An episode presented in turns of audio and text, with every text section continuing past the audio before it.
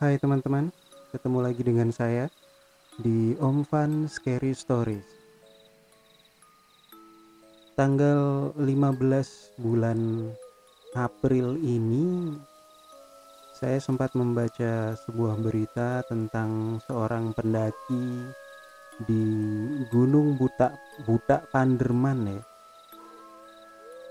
yang ditemukan meninggal. Uh, ada kejanggalan dalam peristiwa ini saya tidak akan membahas peristiwa ini karena teman-teman bisa baca semua di berita saya rasa dan saya tidak perlu mengulasnya lebih lanjut. Tapi kejadian ini terus terang mengingatkan saya pada sebuah kejadian yang dialami oleh beberapa orang tetangga saya. Dulu waktu saya masih tinggal di Surabaya.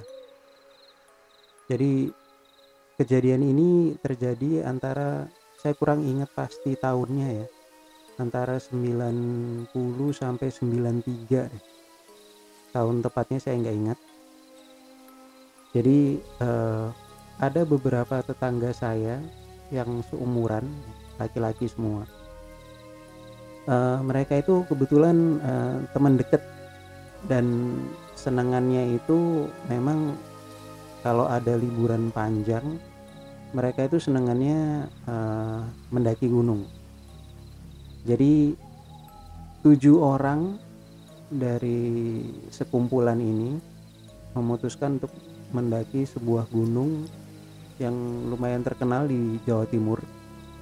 Sekali lagi saya tidak akan menyebutkan nama gunungnya uh, ya ini untuk menghormati aja eh, orang-orang uh, yang tinggal di sana ya dan juga untuk ya supaya istilahnya tidak menodai kenangan dari uh, orang yang sudah meninggal. Jadi uh, kembali ke cerita. Singkat kata tujuh orang tetangga saya ini berangkat ke gunung A, sebut aja gunungnya dengan nama A. Dan di tengah perjalanan hari pertama ya, saat mereka sudah di atas, eh, karena merasa letih, mereka istirahat sebentar. Setelah itu ada satu orang dari anggota regunya, jadi anggota dari tujuh orang ini salah seorang itu pamit uh, mau buang air. Nah, uh, satu aturan yang kita patuhi itu soal pendakian adalah body count. Body count itu jumlah anggota regu harus tetap. Jadi dengan alasan apa pun itu kita tidak boleh meninggalkan anggota regu kita jadi kalau ada satu orang yang pamit misalkan dia mau buang air ya kita harus nunggu. Atau kemudian ada satu orang yang uh, sakit ya kita harus tunggu. Atau kita ambil prioritas untuk menyelamatkan atau mengambil tindakan penyelamatan terhadap rekan yang sakit itu. Uh, saya tahu di lapangan banyak rekan-rekan pendaki yang akses masalah kemudian uh, memencar regunya. Misalkan kalau ada yang sakit dipencar ada yang nungguin ada yang terus naik. Memang sih kalau di assess masing-masing kekuatan ya saya rasa setiap pemimpin regu sudah tahu risikonya cuman uh, yang terbaik adalah regu itu tidak dipencar. Oke kembali lagi ke cerita. Sebut saja namanya Rudi.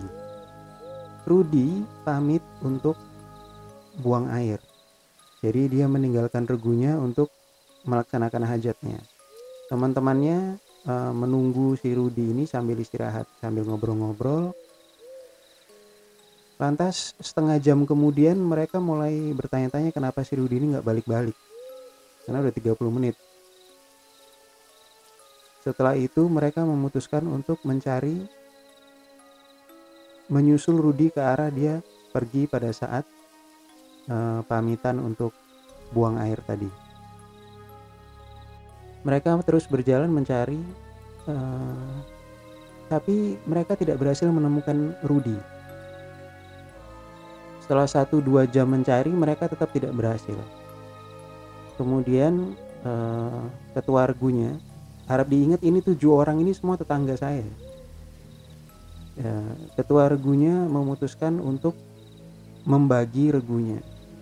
Jadi empat orang itu tetap di lokasi dan mencari Rudi dengan pola sepasang-sepasang dua orang dua orang sementara yang tiga orang itu turun ke bawah untuk memberitahu pihak berwajib bahwa ada satu rekannya yang menghilang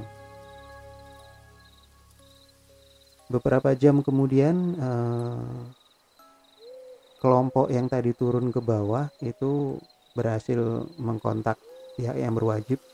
Kemudian pencarian pun segera dilaksanakan, melibatkan beberapa elemen termasuk warga sekitar.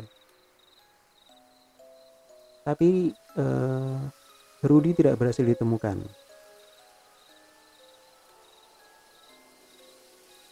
Butuh waktu, kalau saya nggak salah ingat itu tiga hari. Tiga hari sampai akhirnya Rudi ditemukan dengan kondisi sudah meninggal. Jadi eh, jasadnya Rudi ini ditemukan di dasar sebuah jurang yang arahnya itu cukup aneh ya karena dari tempat si Rudi ini sorry dari tempat teman-temannya Rudi ini menunggu dia kemudian ditarik ke arah dia berjalan untuk pamitan buang air buang air dengan lokasi jurang ini eh, kalau ditarik arahnya kalau dia jalan dari tempat dia buang air ke jurang ini itu arahnya tidak sama alias melenceng jauh dari titik dia buang air untuk kembali ke teman-temannya yang lagi nunggu. Eh, latar fakta latar lagi adalah Rudi ini juga orang yang istilahnya dia sudah berkali-kali naik turun gunung. Jadi dia bukan bukan orang yang tidak berpengalaman. Seharusnya uh, bagi dia tidak terlalu sulit untuk menemukan jalan kembali dari titik dia buang air ke teman-temannya. Karena toh dia buang air itu sebenarnya tidak terlalu jauh dari posisi teman-temannya hanya beberapa puluh meter di balik semak-semak dan pepohonan supaya nggak kelihatan cuman gitu doang tapi pada saat dia selesai buang air itu tidak tahu bagaimana dia menempuh rute yang berbeda. Dia ditemukan di das, jasadnya itu ditemukan di di dasar jurang dengan posisi duduk bersila. Ini satu keanehan yang diceritakan oleh tim yang menemukan dia ya, tim yang menemukan jasadnya langsung. Jadi dia ini ditemukan di dasar jurang dengan posisi mayatnya itu dengan posisi duduk bersila itu keunikan yang pertama. Yang kedua, keunikannya adalah tulang belakangnya patah di tiga bagian. Ada kemungkinan eh, tulang belakangnya ini patah pada saat dia jatuh. Patah di tiga titik, teman-teman. Kenapa ini menjadi sesuatu keunikan yang saya sebutkan dan eh, tim yang menemukan jasadnya juga merasa ini sangat aneh? uh, lazimnya kalau orang tulang belakangnya patah itu dia nggak bisa duduk duduk sendiri ya tapi ini jasadnya ditemukan dalam dalam kondisi bersila jadi ini sebuah ini keunikan-keunikan yang dilihat oleh tim yang menemukan jasad Rudi. Uh, keanehannya tidak berhenti di situ jadi kurang lebih empat hari setelah jasad Rudi ditemukan ya layaknya sekumpulan teman kalau pergi berlibur biasanya ada satu atau dua orang yang bawa kamera. Tahun itu kita masih pakai film pakai roll film. Jadi eh, itu roll filmnya harus dicuci dulu untuk menghasilkan negatif alias klise kemudian dicetak. Setelah proses cetaknya selesai eh, rekan-rekannya yang lain ini kan udah pada pulang nih karena udah empat hari setelah jasadnya Rudi ditemukan jadi kurang lebih udah satu minggu sejak uh, Rudi hilang Jadi setelah dicuci mereka melihat lagi foto-fotonya yang sudah yang sempat diambil. Salah satu itu adalah foto uh, foto mereka bertuju. Jadi itu kameranya ditaruh di atas uh, sebuah benda gitu. Kemudian mereka berpose di fokus pakai timer. Kemudian yang bawa kamera ikutan pose.